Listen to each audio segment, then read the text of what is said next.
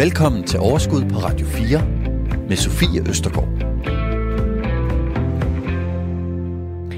Økonomi og investeringer og alt det, der hører med sig, det kan jo være besværligt nok at øh, selv sætte sig ind i. Men øh, hvad gør vi så, når vi skal tale med de unge mennesker og med vores børn om økonomi og om penge? Det, øh, det talte vi om øh, for et par uger siden her i øh, Overskud, og det viser rent faktisk, at det slet ikke var nok med et program, for der er så mange ting, vi skal overveje, og der er så mange spændende ting at tale om. Og derfor så tager vi en runde mere i dag, hvor vi taler om, hvordan vi taler med særligt vores unge mennesker om økonomi og gøre dem økonomisk selvstændige. Velkommen til Overskud.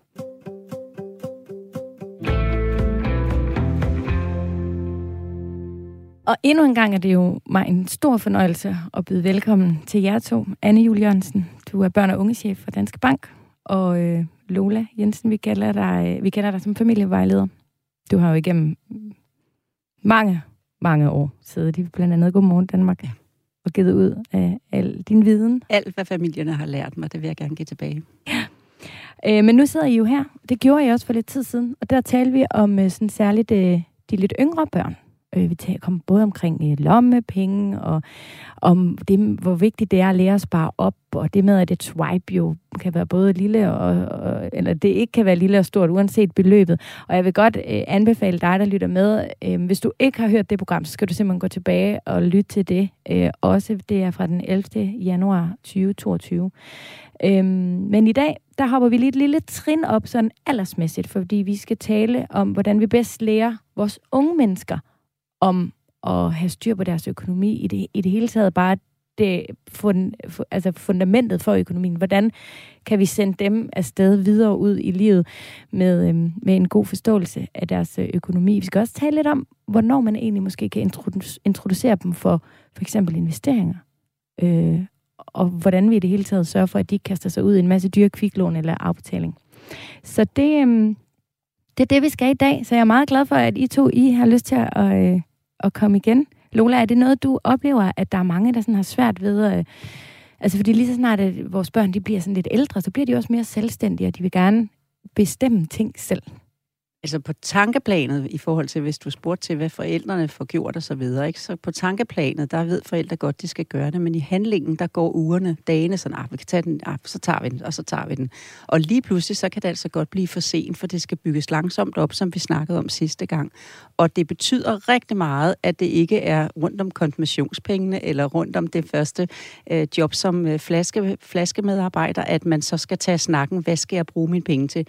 Det skal bygges lige så stille op, men øh, det er noget, forældrene gerne vil. På tankeplanet ved de godt, det gør en forskel. Det bliver en anden forbruger på en lang bane, hvis man får givet en pengedannelse også, øh, så derfor så, øh, men handlingen, handlingen, der går dagene i en travl hverdag, så det er derfor, mm. jeg synes, det er så godt at sidde her igen, fordi så kan vi lige tage det op. Det er vigtigt at tage det op.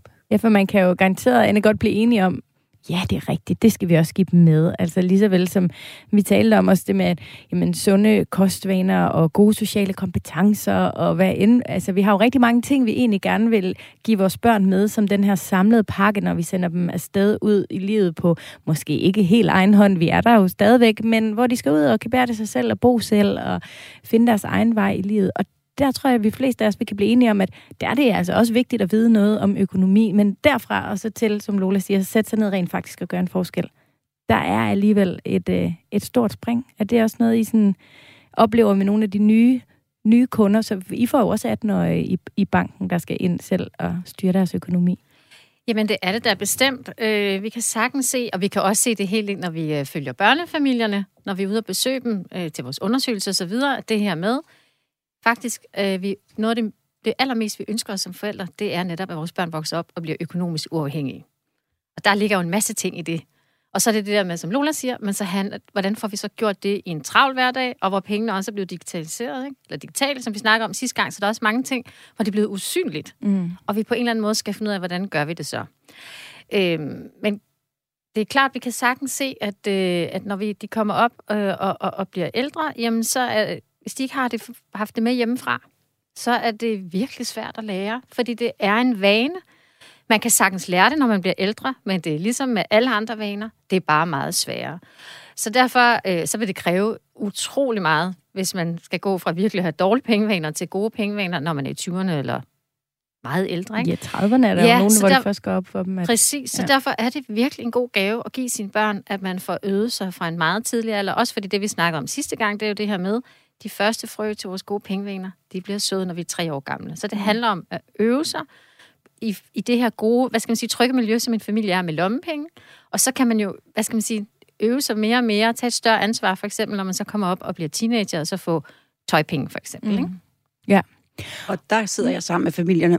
Undskyld, der sidder jeg sammen med familierne. Jeg har sådan en kejleform, hvis du vil hjælpe med at illustrere, hvis ikke mm. det er nok, jeg gør sådan her med hænderne. Ikke? Så tegner jeg den på den et stykke papir. Den er smallest for neden, og, og så, så bliver den bredere og bredere, jo og højere man kommer op. Den skal illustrere, når jeg sidder sammen med forældrene, at jo yngre børn er, des mindre bestemmer de, des mindre kompetence, der er rammerne størst for forældrene. Efterhånden, som de så bliver ældre og ældre, og du bestemmer selv som forældre, hvad du synes, der skal være de første øh, emner, som de selv tager ansvar for.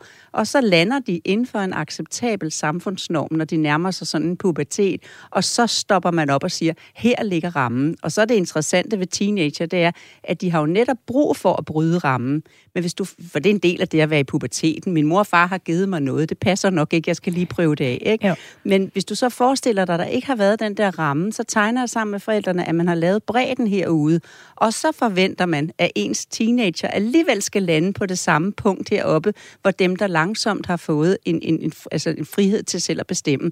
Men det gør det bare ikke. Det er så tydeligt at se, når man så kommer hos sådan en teenagefamilie, hvorfor teenageren har bestemt det hele, hvad min penge skal mm. bruges til, hvad, hvad tid jeg går i seng, hvor meget jeg må game og alt det der, så ligger den herude og får tøjet, når de har bred. meget bred ud herude. Ikke også? Så er det en opgave, når man møder en 14-17-18 år i en familie. Det er typisk en storebror eller storesøster til ham på ni, hen på ni, som jeg kommer der mest omkring det andet tredje glas, ja. der sender mig ud. Men når nu jeg er der, så kan vi jo godt til hans snak om penge, og så ryger den 17-årige med så er det en opgave lige pludselig at skal gøre sådan her, få dem inden for noget, der ender med at blive en, fornuftig forbruger. Og det gør jeg simpelthen ved at lave et stykke papir.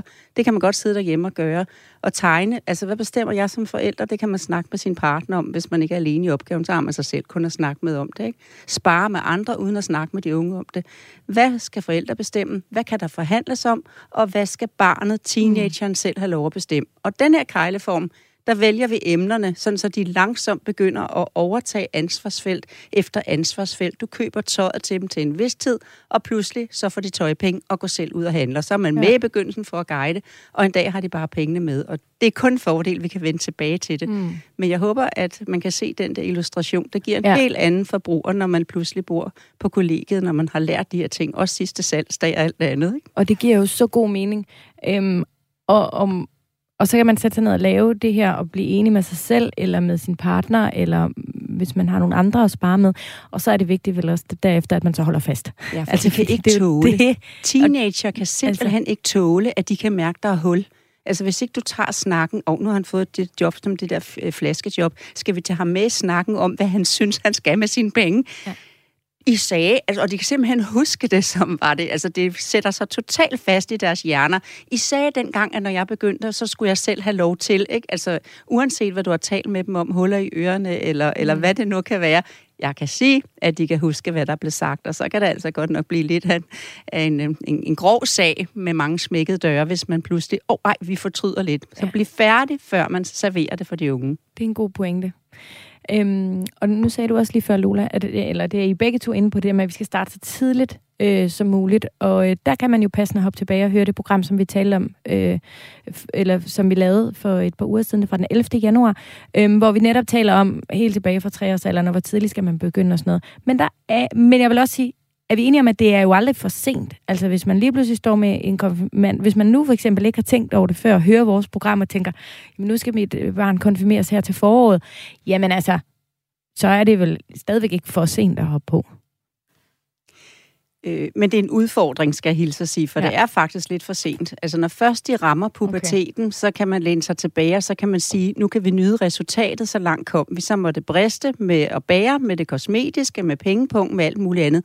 Du kan selvfølgelig stadigvæk, fordi du har jo retten til at styre din børns konto, ikke? Når de ikke er ældre end 13, 14, 15 osv. Men, men, øh, men jeg siger dig, du får en, en teenager, hvor at det bliver en udfordring, hvor ja. du går og tænker, er der ikke noget med, at de snakker om, at han snakkede, hun snakker om at skulle på efterskole, men det kan blive til virkelighed. Der er så meget krig, fordi der lige pludselig bliver lavet en stramning, så ej, hvor kan jeg bare anbefale at høre det første program, hvis man har mindre børn, ja. for, for det er en krig, det bliver en krig. Og de føler, altså det der med, når man kommer i puberteten, så sker der det vigtige med dem, at de føler, mor og far, nu har I haft jeres besøgstid, mor og mor, hvad nu familie man sidder mm. med, ikke? Nu har I haft jeres besøgstid i forhold til at lære mig de her ting. Nu giver jeg, og det er det teenager gør, nu sender jeg alt det over, altså over til jer. Værsgod, I kan tage jeres skrammel, og nu vil jeg begynde at sortere, hvordan jeg selv vil leve, hvordan jeg selv vil tale med mine omgivelser, hvordan jeg vil bruge mine penge. Og det er jo den sortering, vi ikke ret godt tåler, fordi det er som at få sådan en... Kan, at, har det ikke været godt nok, det jeg har givet? Jo, mm. det har det. Men det vigtige er, at man har givet noget, så de har noget at sortere med. Nu bliver det vendt og drejet Nu bliver over. det vendt, og ja, ja. bestemt. Ikke? Men hvis man pludselig kommer på banen og tænker, jeg har ikke givet, så, øh, så kan jeg godt sige... Men jeg har alligevel sådan behov for, at dem, der lytter med, hvis, de har, ikke, hvis deres yngste barn skal konfirmere sig, så kan man altså godt gøre et forsøg stadigvæk. Man skal bare acceptere, at det bliver hårdere, fordi man ikke selv har startet tidligere. Men det er jo der, hvor familievejlederen kommer ind, fordi teknikken er så, at det går med modstanden, for ellers bliver det værre. Og så kan man sige sådan her, undskyld, nu kigger jeg på dig og låner dig, som om du er min store, ikke? Mm. Undskyld, men egen dejlig. Ved du hvad? Jeg har simpelthen, far og jeg, vi har sovet i timen. Dengang vi havde en chance for at lære dig om økonomi. Ved du hvad? Vi passerede forbi. Vi håber, det kommer til at gå der som voksen alligevel, selvom du mangler grundfiler på harddisken. og hvis man har den tilgang til dem, så kan de ligesom vende rundt og sige, ups, er der noget, jeg skal lære? Ja. Hvorimod, hvis vi siger, med det penge, med den måde, du handler på og så videre, du kommer aldrig, altså den der, ja. de kan blive så vrede. Mm. Se, det var det, jeg kunne huske, Lola, du havde sagt en gang før. Så det var er det det med grundfilerne? Ja. så derfor tænkte jeg, skulle du lige have lov at sige. Men så synes jeg, vi har lige fået uh, lavet en undersøgelse her i uh, efteråret 21. Og det var ret interessant, hvor vi spurgte uh, unge mellem 15 og 18, uh, hvem er jeres nærmeste og vigtigste rådgiver? Og det er stadigvæk deres forældre. Så man har jo en rolle, selvom, og det er jo interessant nok, for der er så mange ting, som du også sagde først, fordi man er, kan være i konflikt omkring med sine teenager, ikke? Øh, så på den måde, så, så har man jo stadigvæk en indflydelse, og så må man jo så prøve at lade være med at, at altså, få det bedste ud af ja. det, lade være med at skabe en større konflikt. og der de, synes jeg, ja. vi skal hoppe direkte videre, fordi det giver lidt håb for os dem, der måske ikke kom med helt, da børnene var super små. Du lytter til Overskud på Radio 4. Dagens gæster er familievejleder Lola Jensen og børn- og ungechef i Danske Bank, Anne Jul Jørgensen.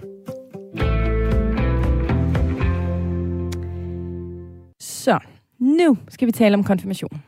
Øh, eller nonfirmation, eller, øh, eller voksenfest. Eller, altså, det findes jo i mange afskygninger nu. Det er i hvert fald en tradition, at der bliver holdt en eller anden form for lidt større fest, når børnene er omkring ja, 13-14 år. Noget i den stil, ikke? Øhm, og jeg kunne godt tænke mig helt konkret at tale med jer om det her med at give pengegaver, fordi det, synes, det har i hvert fald også tit været en tradition, at man til den her fest modtager øh, gaver og, øhm, eller pengegaver, og det der med, at så konfirmanden eller nonfirmanden eller den unge voksen øh, tæller de her penge, og vi ryger jo op i altså, store beløb for nogle øh, af de her øh, store børn. Lola, er det en god idé at give pengegaver?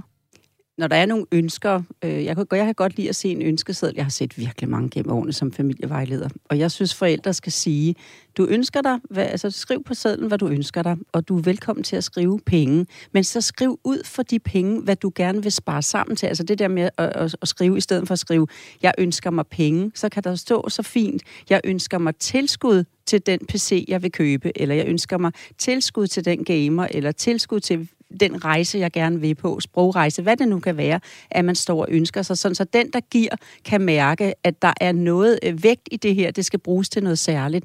Og ikke bare det, som jeg jo har som udfordring som familievejleder, at børnene jo kommer i skole og starter med at fortælle, hvor mange penge fik du så? Mm. Og så er det, går det jo en helt anden retning, og jeg har jo mødt nogle børn, der fortæller ikke, hvad de sandheden, hvad de har fået. De gør beløbet større for at få lov til at være med, ikke? og det er bare rigtig synd, den ender der. Jeg ønsker for teenager, øh, at de har et gavebord, der ikke kun er en centimeter højt i konvolutter. Jeg ønsker, at der ligger for dem sådan nogle fysiske ting, som kan, de kan mindes om, og så pengene er markeret til, hvad de skal gå til. Og alle konfirmationspengene skal sættes ind på en særlig konto, som er overordnet forbrugskontoen.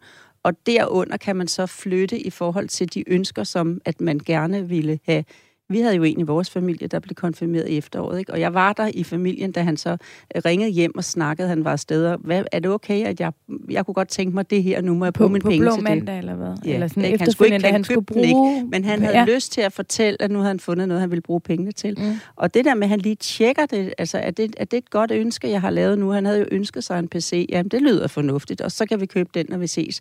Altså, så tog de ud og købte den sammen, ikke? Ja. Mm. Så overordnet ansvar for pengene, men derunder så selvfølgelig nogle Ja. ønsker, ikke? Ja, det synes jeg. Men er det okay, at man som forældre øhm, altså ikke bestemmer, men, men ligesom er med til at øremærke pengene? Fordi det sker jo tit, at, at en konfirmand, eller altså at man får nogle penge, som ikke er øremærket. Og så har man ligesom ah, en, ofte et stort altså beløb for et barn i den alder, som jo måske ikke har været vant til at på den måde at, at svinge så mange nuller mellem fingrene, eller sådan. Anne, hvad tænker du om det? Ja, altså man kan jo sige, det kan jo godt opleves lidt som de unge, der bliver nyrige, ikke? Mhm. Mm. Som en af mine kollegaer sagde på et tidspunkt. Og det handler jo om, at man som forældre ikke har fået sat den ramme, som Lola taler om. Altså det er jo igen det der med, at, at konfirmationspenge kan være... En, altså det er jo noget, man skal tale om. Hvad skal man med de penge? Og det skal man gøre, gøre inden. Og her vil jeg også bare sige, der er det jo lidt... Skal man, undskyld, afbryder, Ja. ja. men skal man simpelthen inden konfirmation, eller inden den her fest, sætte sig ned og sige, nu kan det jo godt være, at du får nogle penge? Har du overvejet...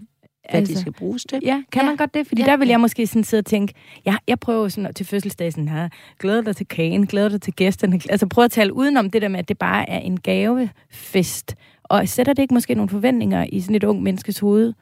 Jeg troede, jeg ville få mange penge, hvis jeg så ikke... Oh, men der, sådan- der tror jeg, at der kan man godt lidt have på fornemmelsen som forældre, hvor mange penge taler vi om. Okay. Og så tror jeg, så vil jeg også bare lige sige, det er jo lidt ligegyldigt. Det kan være 1000 kroner, kan være mange for nogen. Ja, ja, præcis. Så, så det er lidt igen med at få sat rammen. Også fordi, ja, så tror jeg, jeg, jeg, vi havde, jeg, jeg skrev noget på LinkedIn omkring konfirmationen, netop med det her med den ramme, hvor der var en, der kommenterede, men skal de ikke bare have lov at gå ud og brænde dem af? Mm. Men tænk sig, hvis man går ud og brænder, lad os bare sige 15-20.000 af.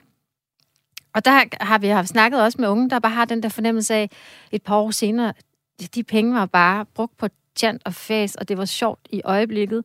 Men det havde da været, egentlig været rart at have haft penge til en computer eller til sprogrejsen, og alt hvad, hvad det kan være. Ikke? Så derfor er det enormt vigtigt, at man sætter sig ned og lige får talt om, hvad vil vi med de her penge? For selvfølgelig tænker jeg, at der skal være penge til en blå mandag, hvor, hvor det måske er lidt ud over det sædvanlige, men det kan man altså også godt gøre for ikke så mange penge. Ikke? Mm. Så derfor så tror jeg, det er meget godt at have den der forventningsafstemning inden, øh, om, om nogle af pengene skal gå til, en større, til et større ønske til investering, eller hvad det kan være. Og det er bare en anledning til at tage en god pengesnak og sætte rammerne igen. For hvad skal de penge bruges til? Fordi hvis man nu siger, at man står med en 5-10.000 som konfirmand og gemmer dem, til man flytter hjemmefra, så er de jo vokset. Og så er de måske et rigtig godt tilskud til, når man flytter hjemmefra. Ja. Men kunsten er at tale til teenager, så de sådan selv tror, at de har bestemt det, som, som, de, øh, så- som de ender med at beslutte. Ikke? Og det er jo ved at sidde med nogle papirer foran. Før konfirmationen, som vi jo så begge to også nu har sagt, det der med at sige, du ønsker dig nogle penge, men skriv ud for, så folk ved, hvad det er, du vil bruge dem til. Og de penge, du får, de bliver sat ind på den der konto, som den unge måske allerede har i forvejen, der fra, fra flaskejobbet, eller hvad det nu kunne være, hvor der er en overordnet, øh, eller, eller tøjpenge, hvad det nu kan være, så man også kan følge med i med en konto, et kontoudtog, hvad pengene bliver brugt til. Og så er det da klart, så sætter man sig ned og siger, inden konfirmationen, sådan så det bliver en rar dag, inden konfirmationen, uanset hvad du får, hvad synes du så, at du skal have med den dag, ja. Når du også har nogle rigtig gode ønsker? Og så er det altså utroligt, fordi når de selv sådan ser det på, at men det er jo mange penge sådan, så er de egentlig med på, hvis de har fået den gode dannelse, som jeg viste før med langsomt at, at have lært det at kende, så er de egentlig med på at sige, ej, jeg tror kun, jeg skal have 600 kroner med, mm. og så ringer jeg, hvis jeg skal bruge mere. Ikke? Og så. Ja. sidder man og trækker på smilbåndet og tænker, hvad er det bare dejligt. Man troede ikke på, at det skulle komme til at lykkes, fordi man har en puberteter, der slår sig i tøjet. Og hvad viser de så? En kæmpe ansvarlighed. Ja. Og det kan de, hvis de selv får lov at bestemme. Hvad synes du selv? Jamen, hvis du så hæver så mange penge, hvad så med den PC? Jamen, du har de 400 kroner om måneden i lommepenge, eller hvad det nu kan være. Så rykker du den PC, øh, det bliver så, kan jeg regne ud nu her med et halvt år. Den snak, og et halvt år, det kan jeg ikke vente på. Nå nej, men, men det be, hvad, hvad vælger du? Og så vælger de at tage mindre. De er så ja. Gode at snakke med, hvis de føler, at de selv har bestemt det. Jeg forestiller mig også, at det er faktisk også, altså fordi det har jeg i hvert fald oplevet med, med min for, for eksempel kæreste, altså det der med, når man skal prioritere sine penge, så bliver det faktisk lige pludselig en virkelig rar snak, som også handler om prioriteringer. Vi lærer hinanden lidt bedre at kende, men det handler også om drømme, om ønsker, og altså sådan, som, som lige pludselig kommer lidt længere ud end, end kun øh, et beløb. Ja. ja, og det er jo en enormt vigtig læring at få med hjemme fra os, fordi det kan jo godt lyde sådan lidt kedeligt her at snakke om, vi skal sidde og snakke om opsparing og sådan noget, ikke? men det handler jo netop om drømmene, og det handler om ens værdier. Hvad gør en glad? Det er jo det, det dybest set handler om. Det handler ikke så meget om, at, jeg tror også, jeg sagde det sidste gang, den her Hollywood-drøm om, at vi skal alle sammen have alt muligt og være meget rige. Øh, det handler om det her med at finde ud af, at hjælpe sit barn med at nå frem til, hvad er det, der gør det barn det glad, øh, og kan spare op til at have en buffer, og så til drømmen, ikke? Og det er jo forskelligt, om man er teenager, eller om man er noget ældre. Du lytter til Radio 4. Vi har en Facebook-gruppe, Overskud Radio 4, hvor øh, alle jer, der lytter med, I er meget velkommen. Og øh, en, der har skrevet derinde, hun hedder Marianne Gregersen, og hun skriver, øh, jeg åbnede et depot for mindreårige, og jeg købte nogle aktier til min datter, og hun valgte også selv nogle af dem. Og der kunne jeg egentlig godt tænke mig at vide, øhm, du var lidt inde på det, i virkeligheden har I begge to sagt det, øh, men Lola, du sagde ordret det der med, at man kunne ønske sig nogle penge, som var et tilskud til noget. Kan et tilskud også være til for eksempel at oprette et depot eller investering? Altså som jo er en form for udvidet opsparing, hvis man taler med dem i den alder, som jo så måske kan blive til mere, men der er jo også en risiko for at tabe.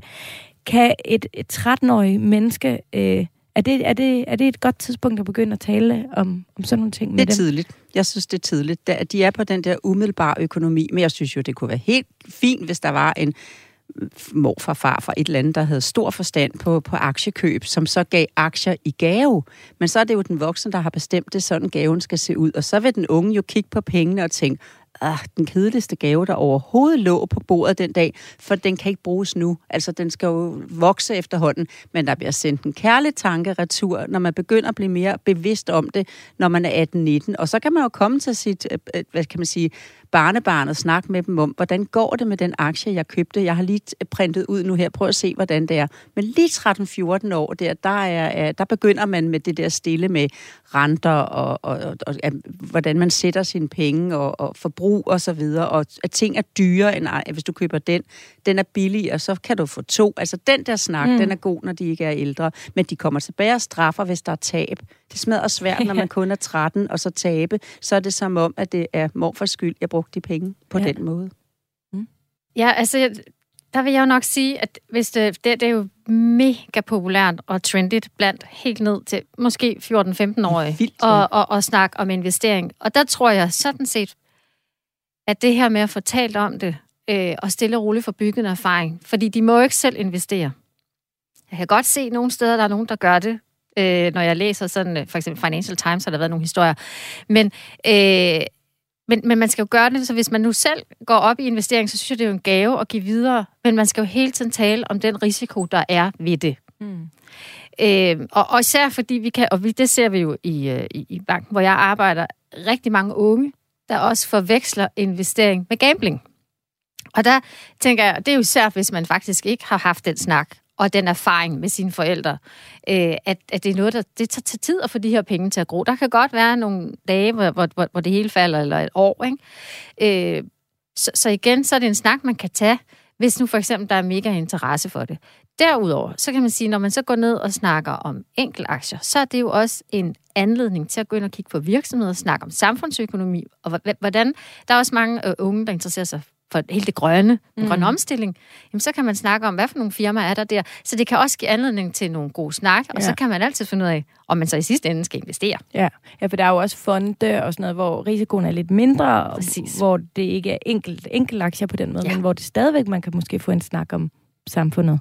Og så får jeg jo lidt ekstra arbejde, når jeg skal være familievejleder for dem som par, øh, hvis det er, de har været meget sådan aktiebevidste på et tidligt tidspunkt, og ikke har haft den der almindelige hverdagsøkonomi, som jeg heller vil have, at de koncentrerer mm. sig om. Fordi, fordi når de danner par, og jeg kommer der, så vil, så vil, de, så vil han eller hun, hvem det nu er, det er mest, det er mest manden, ja. han, vil have særø, altså han vil have særøkonomi, fordi han kommer ind i forholdet med noget, som han har præsteret fra starten af. Og det er, jeg er bare nødt til at sige det højt i radioen i dag, det er ikke nogen sund start på et parforhold, hvis man har separat økonomi. Det er en helt anden, det er et helt andet forhold, hvis man starter fælles. Altså så kan man så, jeg ved godt, hvis man møder nogen, der er den ene er 60 og den anden er 40, og ham på 60, han har en masse penge. Det er jo ikke dem, jeg tænker på. Det er det der unge par, der skal til at etablere sig.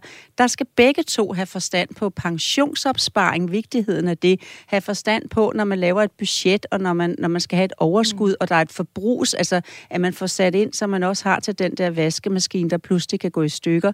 Er der forskel på at have et F5-lån, som skal fornyes, og der kan ja. renten være usikker, eller man kaster sig ud i fast forrentet. Hvilken, den lige så stille bygning har det jeg hellere. På, hvorfor? Hvad har det effekt på, på børnene? Altså, gør det ligesom, at de har et fælles fundament eller et fælles udgangspunkt, ja, som de, de starter, videre? som er ja. vigtigere. Altså, det er ikke fordi, jeg sidder nu og siger, at der ikke er nogen, der skal have den aktie i, i, i konfirmationsgave, mm. eller skal have en bevidsthed også om den del. Jeg, er bare, jeg vil bare meget hellere, at de har alt det grundlæggende, der danner sådan en... Altså, hvis man ved, man har fået en grundlæggende dannelse omkring, hvad, gør, hvad, hvad koster godt for kroppen, altså så, så tåler man jo bedre at udvide det lidt undervejs og eksperimentere med det. Hvis man aldrig har oplevet grundtingene, og så pludselig kun spiser junk food, så er det, altså, det er det, at vi skal, have, vi skal have fundamentet på først. Og det var nok derfor, jeg stejlede på, at snakken om aktier 13-14 år, nej, den der aktie, som man har fået til, hvad det nu kan være, Brøndby-aktie, hvad man nu har fået for sjov eller et eller andet, okay med den, men der er mange ting, der ligger før da. Men hvornår, hvornår skal man så begynde at tale med sine børn om lån? Nu 1314. Nej, 1314. Og... Ja, og det var lige det der med investering. Det er kun investering. Men lån, så lån er bedre. Og, forsikringer, der er vigtige. Det der med at have nogle forsikringer, indboforsikring, have mm. det på sin, altså have til uforudsete udgifter, være opmærksom på elpriserne. Det kan jo komme meget tidligt ind jo. Ja. Det der med, at man ved, at, uh, hvad det koster. Altså, jeg synes simpelthen, der er noget, der er ved at hedde elstress, ikke? Fordi nu skal man ind og kigge i en app, før man finder ud af, hvornår skal man vaske sit tøj. Men det er jo ikke så tosset at, at, at, at vide, inden man skal på, Men hvad på, så med på investering? Kollegie. Hvornår, skal vi, hvornår kan vi tale med dem om det? Det tænker jeg som et sidespor. Nøjagtigt på samme måde, som jeg siger til forældre, hvis at de har et barn, der er meget optaget af noget sport, og man vis, det viser sig, at de har et talent, når de bliver 12-13 år, så skal talentet dyrkes. Men der ved siden af skal der være det spor, som gør dem til en god kammerat, som gør, at de har omgang med andre mennesker, alle de sociale kompetencer, så ikke du pludselig lander ensomt med en hel masse aktier, og er blevet sådan fuldstændig aktienørdet, som jeg møder. Men be- det, så, så langt behøver man altså ikke komme Nej, ud. Men det er næsten køber lidt. blevet som et, et, den måde, man kan få sine 15 minutters, øh, at hvis man kan skaffe pengene på en eller anden måde på et tidligt tidspunkt, det skal køre som et stille spor ved ja. siden af. Ja, men det tror ja. jeg så også, Lola, er vigtigt, at man går ind og tager den snak med sine børn nu, fordi så får man fanget noget af det. Fordi det er jo det, der sker i øjeblikket. Det er, at det bliver lidt mere gamblingagtigt. Ja, det er Fordi det. at man tror som tak. ung, at det er vejen, altså der tak. er vej til det hurtige det, penge. Det var det, jeg ville. Og det er der ikke. Og det er derfor, jeg tror, at snakken kan være god omkring konfirmationsalderen. Fordi det er allerede der, der vi må jo bare konstatere, at øh, det er på TikTok, det er på YouTube, mm. alle de her øh, unge, som sidder og fortæller, hvad, hvad de selv har erfaringer, og så bliver de jo inspireret af det og ser op til det. Og der tror jeg, der er det enormt vigtigt, at man som forældre, det er så, om det er investering, eller det kan være alle mulige andre temaer, ja. som de fanger op der, så skal man være, ja. Ja, være klar til at tale om det, så man netop får lært dem, at investering er ikke en hurtig vej til penge. Sådan det er det, lange, siges. seje træk. Øhm, og det tror jeg bare er vigtigt, at man får slået det fast. Nu venter os. Sådan. Dejligt. Du lytter til Overskud på Radio 4. Dagens gæster er familievejleder Lola Jensen og børn- og ungechef i Danske Bank, Anne Jul Jørgensen.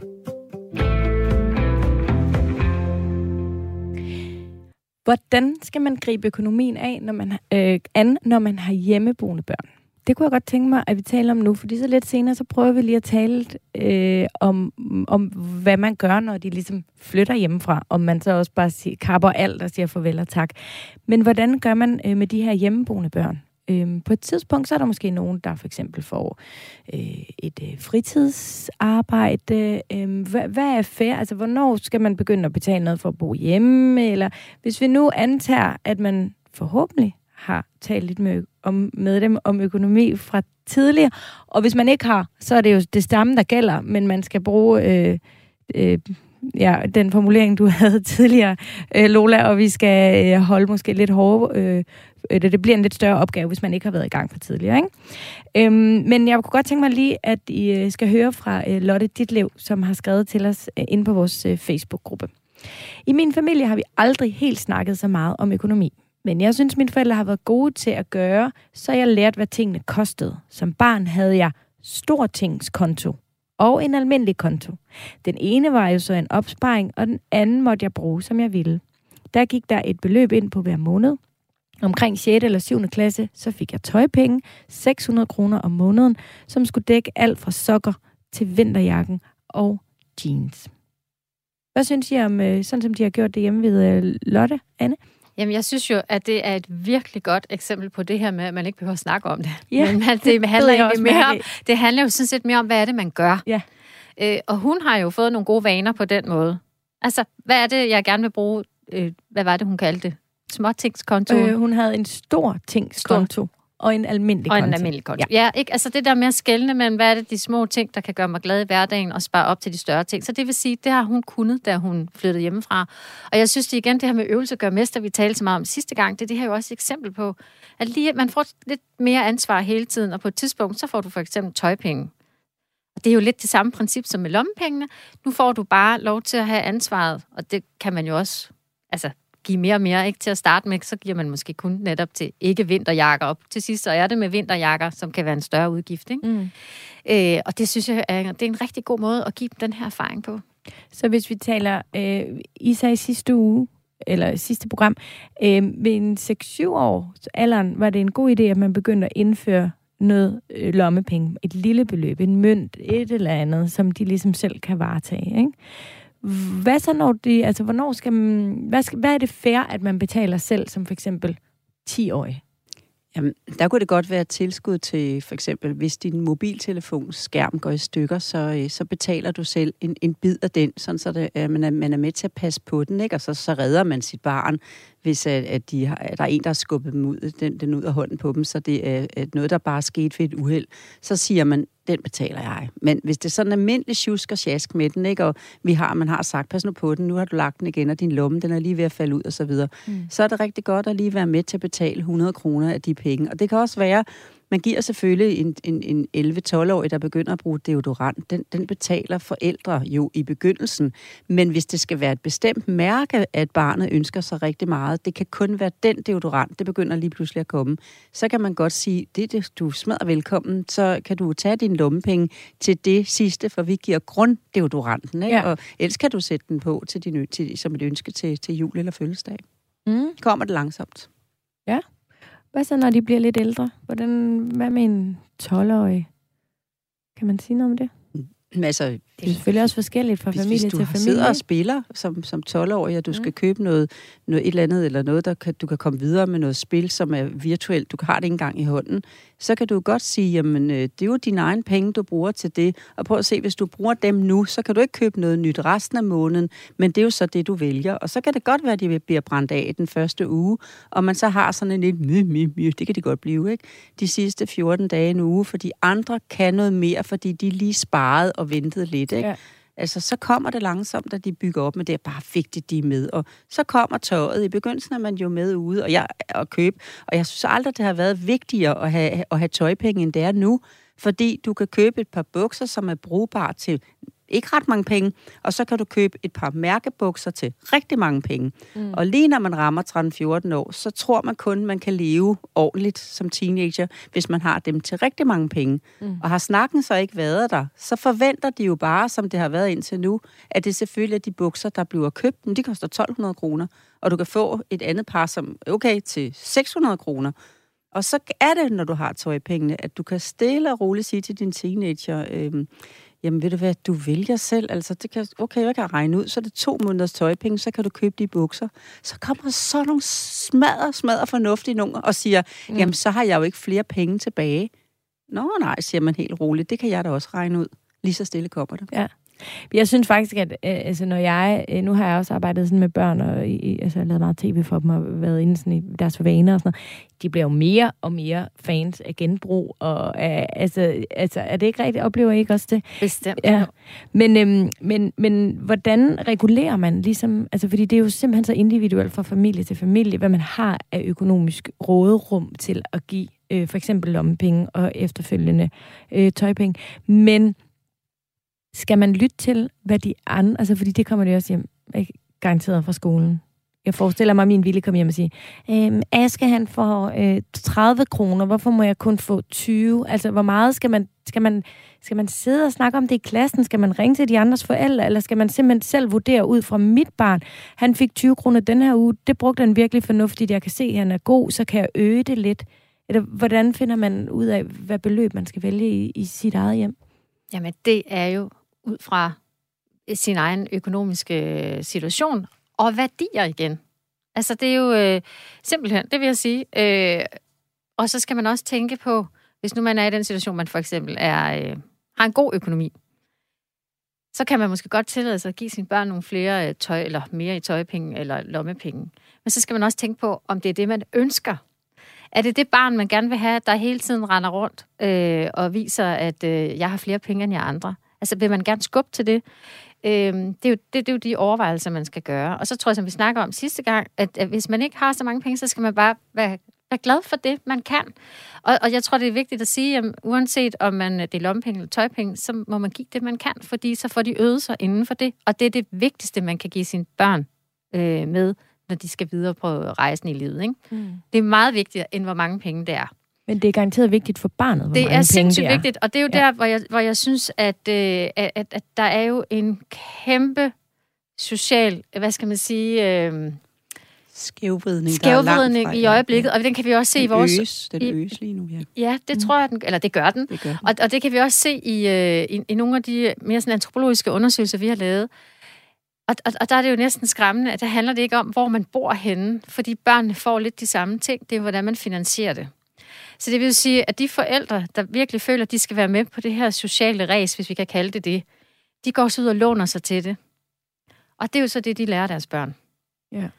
Øh, og det er derfor, jeg, jeg har sådan lidt, at det har vi jo alle sammen som forældre, tænker jeg, en forpligtelse til at tænke over, hvad er det, vi giver vores børn med videre, også ud i deres sociale relationer. Det er en ret god pointe. Og så kommer vi til tøjpenge. Hvornår synes I, at man skal sige, nu, nu kan du få tøjpenge, min skat? Det kommer jo an på, hvornår de begynder at få bevidstheden om, at der er noget bestemt, de ønsker sig. Så kan man godt Okay. mærke, at nu er det ved at være nødvendigt, men du går med ud og handler i begyndelsen, ikke? fordi det er ikke til at vide, hvornår din øh, teenager folder sig ud, og de går fra det, jeg viste før. Nu, nu har mor og far, nu går jeg i puberteten, og nu vil jeg gerne betragte det hele lidt udefra. Og når så man betragter udefra, jamen, så ser man jo noget tøj, man gerne vil have, eller et eller andet vigtigt, man skal købe. Og så er det jo fint der at sige, ved du hvad, du, du, har, fået, øh, du har fået nogle andre tøj, tøjting, end det, jeg kan præstere, når jeg køber med hjem, eller vi er ude at handle sammen. Og det er du velkommen til. Gå med modstanden. De bliver bare så skønne af det. Det er du velkommen til, øh, så derfor går vi over til tøjpenge nu. Jeg vil gerne stadigvæk med dig, jeg vil gerne vejlede dig. Og så er det det der med ikke, fordi sådan en køber de der dyre bukser første gang, for man skal bare lære sin erfaring. De køber det første gang. Jeg skal bare have de der bukser, jeg skal bare have lov at prøve det en gang. Og så er det, de kommer og siger, men nu har jeg jo ikke flere penge. Og så den der belærende forældre, som de bliver så irriteret. Nej, det sagde jeg til dig inden. Altså, jeg stod og sagde til dig, øh, at du så ikke kunne, og så har du brugt hele vejen frem. Ikke? Øh, bare sig, som jeg sagde før, det kan jeg også regne ud. Der går ikke tre-fire måneder, så begynder de at blive opmærksom på det. Jeg, øh, ja, jeg, jeg, jeg, jeg kan sidde lidt og griner, fordi mit første, da jeg fik tøjpenge første gang, det er egentlig aldrig noget, mine forældre sådan er gået op i, men det gjorde mine veninder, så kom jeg hjem, så sagde jeg, nu vil jeg så gerne have tøjpenge, og jeg har helt styr på det. Og jeg kan huske så tydeligt, så fik jeg tøjpenge. Og der havde jeg jo lært, fordi mine forældre var, de gik op i sådan noget tilbud, og altså ikke købe fuld pris, og det skal være god kvalitet og alt sådan noget, ikke? Og så fandt jeg, tænker, det er satan nede mit bedste tilbud, jeg nogensinde kan finde. Jeg købte 50 par hvide tennissokker. Det er sådan noget lignende, der er så skønt at høre. Fordi det er sådan, De var bare på tilbud, og det var simpelthen så godt. Og så brugte jeg alle mine penge den måned på de der 50 Ja, det er sådan, det starter, tennissokker. Ja, ja. Og så sad jeg bare og kiggede på mine veninder, der virkelig havde regnet den ud, at de fik fede hættetrøjer og buffalo sko, jeg ved ikke hvad. Og jeg måtte vente endnu længere. Men til gengæld mit, jeg tænkte, nu har jeg tennissokker til de næste lang tid, så skal jeg ikke tænke på det, så kan, og jeg glemmer jeg elsker det. sådan nogle historier. Ej, ja, det var simpelthen God start. så sjovt. Ja. God start. Men, og det er jo lige præcis den der erfaring, og det er jo bedre at gøre sig den erfaring, som, og jeg tror, at 12, 13, Ja, det synes 14 jeg. år, ikke? Lidt af, af Ja. hvor, hvor modne de er. Øhm, end at man står der som 21-årig, og lige pludselig har brændt 10.000 af på et eller andet, ikke? så er det jo vigtigt at have gjort den erfaring, og så, så netop for, fortælle lidt om den, uden at man bliver sådan den, nu har jeg fået ret, ikke?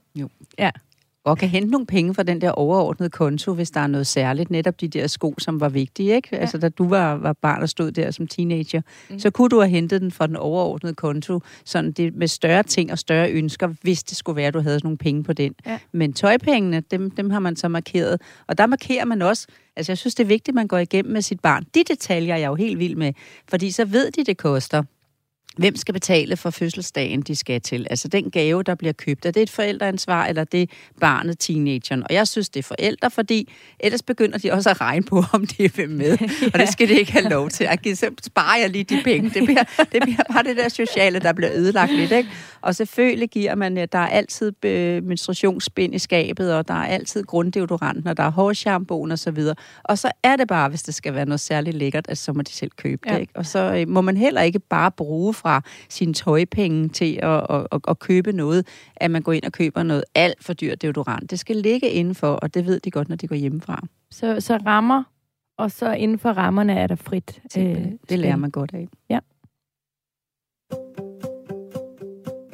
Du lytter til Radio 4. I skal lige høre lidt fra øh, Trine. Jeg hedder Trine, og jeg er 38 år, og jeg er mor til Sofia på 15, som arbejder på McDonald's. Vi har i vores familie aftalt, at Sofia sparer en tredjedel af sin løn op hver måned. Hun har desuden gemt to tredjedel af sine penge fra sin konfirmation. Det er nogle penge, hun gerne vil bruge til at etablere sig med, når hun flytter hjemmefra. Så taler vi desuden også en del om at undgå lån og prioritere sin indkøb. Hun har også fået hjælp til at investere en smule i aktier, hvor vi taler om at bytte penge for frihed, når man starter med en sund økonomi tidligt i livet. Vi har lavet et mål, eller Sofia har lavet et mål om, at hun gerne vil spare 30.000 op, inden hun skal på efterskole. Der er hun næsten i mål. Så, øhm, så det er også godt at have et mål at gå efter. Altså, det er jo lyttere af det her program, som går op i deres altså, økonomi, ikke? Og det gør Trine jo også her, og har fået videreført noget af det til, øh, til sin datter Anne. Hvad tænker du om, om den løsning her?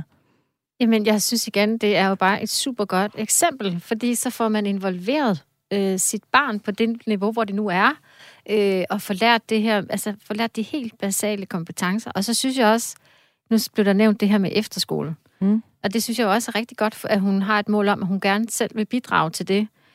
Øh, fordi det er øh, rigtig mange penge, man skal tage øh, ud til sådan nogle øh, efterskoleophold, high schools og alt det her.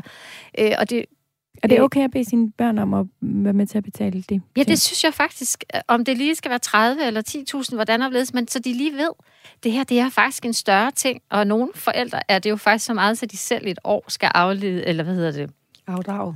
Ja, Eller øh, eller øh, det. have, afsavn, have et Ja. afsavn af et eller andet, Mm. hvor de prioriterer det for deres børn. Det er jo der, vi virkelig investerer i vores børn, kan man sige, i Danmark, fordi vi jo har gratis skoler. Men, men så jeg synes sådan set, det er fint, at, Ja. øh, og, og så synes de har en god snak, lyder det til, ikke? Mm. Øh, hun også bare op og investerer Ja, det skal bruges også til senere, når hun skal ud og etablere sig. Ja. Hvor meget skal man ligesom skubbe bag på, øh, for at ens børn får et øh, fritidsjob? Fordi der kan jeg høre fra nogle af mine venner også, sådan noget, at nogen de synes, det er virkelig godt. Jeg har faktisk også andre, hvor de sådan, er det er mere noget familie, hvor de, de sådan, ah, men de, det synes de er for tidligt. De, de går ikke nok op i skolen eller i fritid eller et eller andet. Hvor, hvor meget skal man, Lola, gå op i det? Nu kan jeg jo få nogen på nakken her, så må I tage den, når folk øh, kommer til jer jo, men øh, jeg synes jo, det er rigtig godt, at vi har fået børnearbejde væk, men jeg synes, det er godt, det er i, i tredje lande, at vi ikke har børnearbejde, fordi mine tre voksne børn øh, gik med den der øh, avisrute, da de var, var øh, 11-12, og det er meget nemt at synes for dem, det er mange penge, at man får 25 kroner i timen, for man skal godt nok gå hurtigt med sådan nogle øh, reklamer for at nå den timeløn, ikke? Og man går som forældre, og man synes godt nok, der ligger fire store stakker ude i carporten, ikke? Og alle de kommentarer inden fra haverne, når man kommer, Nå Lola, hvad sparer du så sammen til? Hø, hø, hø, ikke? Men de lærte jo på et tidligt tidspunkt, den, den tid, hvor de synes, at det var fantastisk at få 25 kroner ved at gå en, en halv lørdag formiddag, det var en god start, og det skulle vores altså øh, melde sig til et eller andet, og så senere bliver det så til at vaske op på, på krogen, og senere bliver det så til at komme op og stå på tanken, og sådan voksede opgaverne i forhold til ansvar, men de startede, da de var 11, og jeg synes, det er så vigtigt, at børn ikke bliver udnyttet, altså at de ikke, bliver, at de ikke er en, en, en billig arbejdskraft. Mm. Men lige de der små job der til en begyndelse, dem kan jeg godt savne, at forældre har mulighed for at give i dag. For der kan du få en god, arbejds, øh, altså, du får en god arbejdsdisciplin, en god arbejder i gang, en, der, der tjener sine egne penge. Og hvad med de penge? Må man så bruge dem igen helt til, hvad man vil? Jamen, nu, jeg vil egentlig lige sige noget om det der med at, at, altså, at tjene sine egne penge. Det er jo også en rigtig vigtig læring. Øh, fordi så, jeg tror, der er mange børn i dag, der ikke helt får lært det her med, hvor kommer pengene fra. Mm. Fordi de, de lærer, øh, øh, ser, at de bare er noget, der flyder. Måske det er noget, der øh, vokser på træerne, eller hvad det er for nogle forestillinger, man kan have. Øh, så derfor kan man sige, hvis man tager adfærdsbrillerne på, så er det en rigtig god læring. Det der med, at man skal ud og arbejde øh, for at, at få en indtægt. Øh, og, og så er der jo også noget i det her med at få en, øh, en lønseddel, hvor man kan sidde og kigge på den med sine forældre. Hov, hvad er feriepenge? Hvad er arbejdsmarkedsbidrag? Mm. Og, og det er jo de første, skatten kommer først lidt senere. Men der er også noget, noget god læring i det. Øh, og så vil jeg så sige, men derfor, øh, inden vi kommer til det med, hvordan, hvad for nogle rammer man skal sætte for det, så er det jo igen noget, man skal finde ud af i sin familie. Altså, hvad kan mit barn? Øh, hvor meget magter det? Fordi altså, skolen stiller også store krav i dag. Ja. Det sociale liv, der er sport, der er alt muligt, så det er jo en balance, man skal have fundet. Øh, og derfor kan et fritidsjob jo også være noget, man gør i en lang sommerferie, for eksempel. Ikke? Mm. Og hvad med de penge, man så tjener? Er de, kommer de ind på stortingskontoen, eller bliver de... Hvad, de må kommer man selv ind på stortingskontoen, ja. og der bliver de flyttet fra i forhold til, hvad at de skal have lov til at have på deres mindre konto. Ikke? Og der synes jeg, når de ikke er mere end de der 11-12, at så er det de fysiske penge, så længe vi har dem, at du giver dem i stedet for at give dem et, et kort, de kan hæve på. Men hvis du så har et hævekort, så sætter du minimum ind, fordi vi skal altså hjælpe de børn øh, og unge derude, at de ikke bliver XL i størrelsen. Og hvis man bare har et hævekort og følges med nogle af de andre, der har dårlige vaner, så kan du så meget, som du vil, have prøvet at gøre dine børn øh, bevidste om, pas nu på dig selv i forhold til, hvad du spiser, uden, vi skal ikke snakke slankekur, eller, mm, mm, mm. Men, men, men det der med at gå forbi øh, supermarkedet på vej hjem, og så står øh, frokosten, madpakken er ikke spist, men frokosten står simpelthen på en gang kanelsnegle og en kokjo eller, eller en cola, og det er standard, eller to tebirkes, ikke? Og det kører de videre på i 8. og 9. klasse, og så hjem og game uden at bevæge sig. Så er det bare, at hvis du har bestemt dig for, at som forældre, vi sætter de her penge over, når du har noget, du skal bruge, og så med mobiltelefoner kan man jo ringe og sige, jeg står lige her nu, må jeg godt få lov til, ikke? Altså, ja. så få en snak om det, og så flytte pengene over.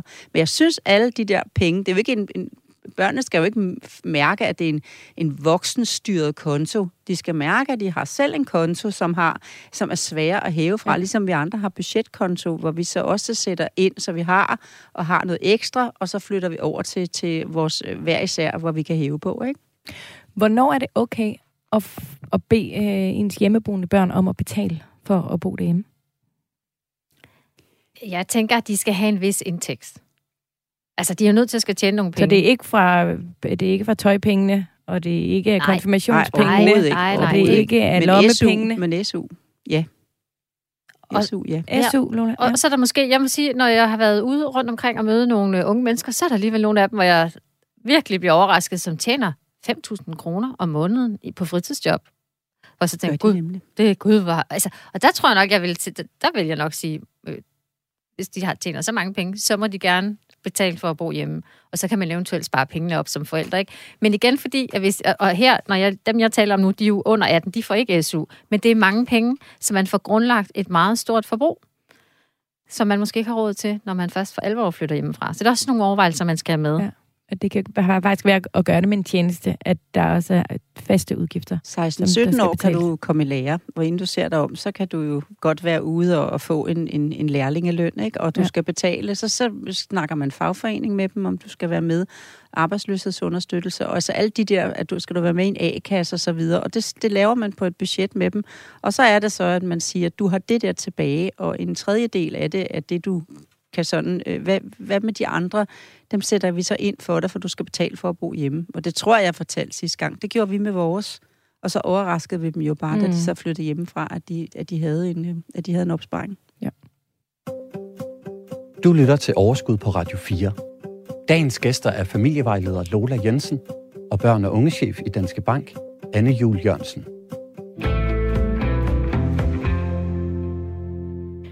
På et tidspunkt, i hvert fald for langt, langt de fleste, der sker der jo det, at vores børn flytter hjemmefra. Hvad gør vi så i den situation? For jeg er ikke kommet dertil endnu, så jeg ved det ikke. Jeg ved, hvordan jeg selv øh, flyttede hjemmefra. Men jeg forestiller mig, at man jo på den ene side tænker, nu skal du ud, nu skal du klare dig selv, og jeg vil gerne gøre dig selvstændig ud i verden. Men på den anden side vil man jo godt lige øh, holde hånden under, eller lige hjælpe dem med, hvordan de kommer videre kapper man bare det hele, eller hvad, hvad gør man, Lola, når vores børn flytter hjemmefra? Det kan man ikke. det kan man simpelthen ikke, fordi det er jo også en proces for en selv, altså noget, man skal igennem det der med den der separation, der kommer, mm. og sådan, åh nej, er de virkelig flyvefærdige? Man skal tro på Kim Larsens, de smukke unge mennesker, hvad det er, de vil, det kan de selv finde ud af, ikke? Men, men, men det er jo fint at sætte sig ned, og så gå med modstanden igen. Må jeg hjælpe? Må jeg give noget inspiration? Du kommer bare og spørger fordi at de skal mærke, at man, at man er der for dem, så ikke de kommer til at lægge, en, altså, lægge nogle penge i en, i en lejlighed, fordi nu skal det pludselig gå stærkt. Ikke? Og så, hvad skulle den der ejer, der har det her private sted, hvor der bor otte unge mennesker i den samme bolig, hvad skulle han have i indskud? Mm. Så er det lidt for sent at komme og snakke om, skulle han have 30.000? Hvor kontrakten hen? Jamen, der var ikke noget, men det var bare drømmen om at komme hjemmefra. Og når man er sådan lige på vej til at flytte, jamen øh, så, så, øh, så, så, så har man ikke tanke for, hvad betyder det, at man betaler 30.000 i indskud uden at have en kontrakt? Så får man jo ikke pengene tilbage igen, eller man har lavet en aftale om, hvad skal være malet, når man flytter ud igen. Altså nogle af de der ting, som vi fælder, vi ved jo, hvad for noget der er som voksen. Det skal man være, være med i. Og der kan man bare sige, jeg ved, hvad der kan være her nu, som du kan komme til at, at ryge ud i, så kom og spørg. Og så er kunsten, når de kommer og spørger, ikke at virke klog og belærende, men virke nysgerrig og interesseret, for så føler de selv, at de finder frem til det, der er den rigtige løsning for dem. Det gør de ikke. Vi inspirerer med idéer, og de vælger den bedste af dem, og den kommer jo fra os. Sådan er det rigtig godt at snakke med dem. Ja. Hvis vi har øh, øh, formået at lave den der kejle, som vi kan sidde og lave her øh, på lyd og ingen, men den der er lille og bliver større og større opad, så kan det jo også være, at de netop, for eksempel for deres konfirmation, har, har den der store tings øh, konto, hvor der måske er en masse penge, og måske har de, de vant til at betale husleje. Altså, vi har egentlig sikret den økonomisk, men i princippet kan det vel også gå hen og blive lidt en bjørnetjeneste, hvis de for eksempel lige pludselig har adgang til en stor børneopsparing, og hvis de lige pludselig har den opsparing fra altså, hvad gør vi der? Fordi så står de lige pludselig er 18. Vi kan jo ikke gøre en skid, hvis det er, at de har en idé om, at de vil bruge dem til alt muligt, som vi ikke synes er en, en god idé. Det er jo rigtigt nok, fordi vi må jo sige, at øh, jeg kender jo, at vi kender alle sammen de historier, hvor folk siger, at vi drak, vores, jeg drak min børneomsparing ja, op, ikke? og havde det mega sjovt. Mm. Og det kan være alt fra 20.000 til 200.000, tror jeg, jeg har hørt ham. Øh, men der er det jo enormt vigtigt, at man som forældre har skabt den der ramme, fordi jeg tror, at hvis man, eller det ved vi fra forskningen, når den ramme er skabt, så går man ikke ud og har det sjovt for 200.000.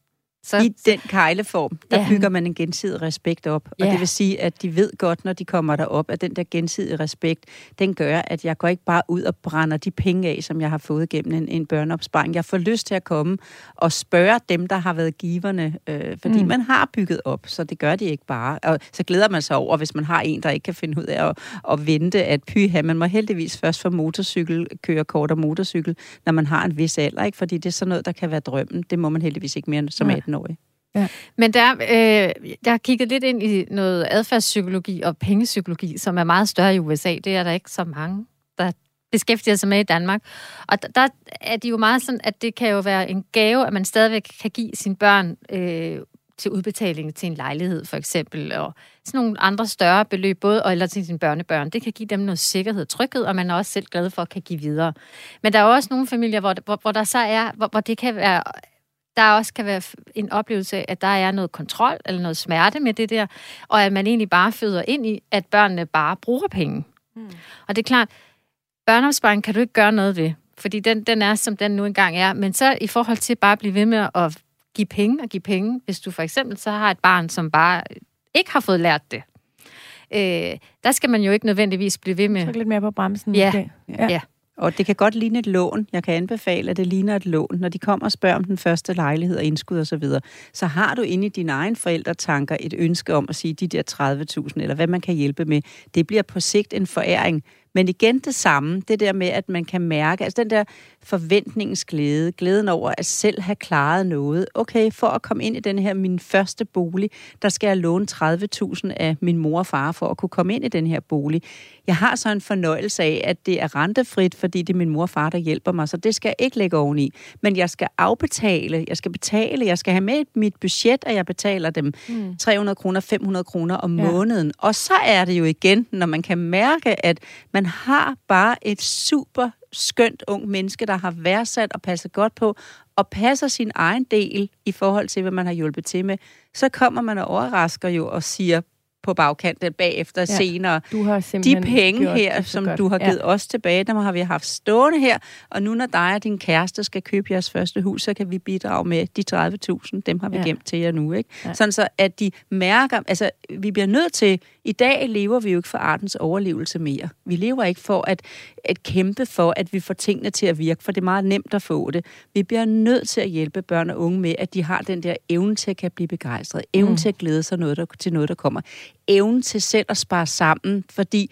det gør en, en lykke. Når først du har det, du har sparet sammen til, så går lykken jo væk.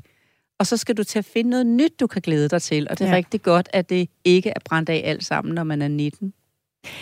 Ved I hvad? Tiden den er gået. Er det ikke vildt?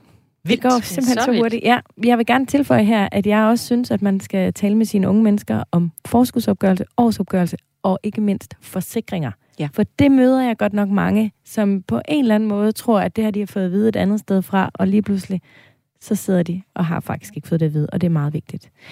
Men øhm, Anne Julie Jørgensen, tusind tak, fordi du vil komme, og Lola Jensen, mange tak, fordi du også vil komme. I kan tro, I er de første, jeg ringer til, når jeg lige skal bruge lidt input øh, til emnet her en anden gang. Det var en meget stor fornøjelse, både i dag og sidste gang. Tak i lige måde. Ja, tak i lige måde.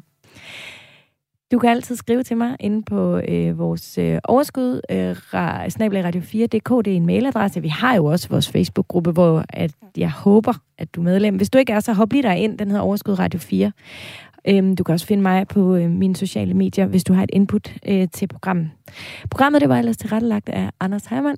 Han sidder også og ser glad ud derude. Det er dejligt. og, og jeg selv have det fremragende.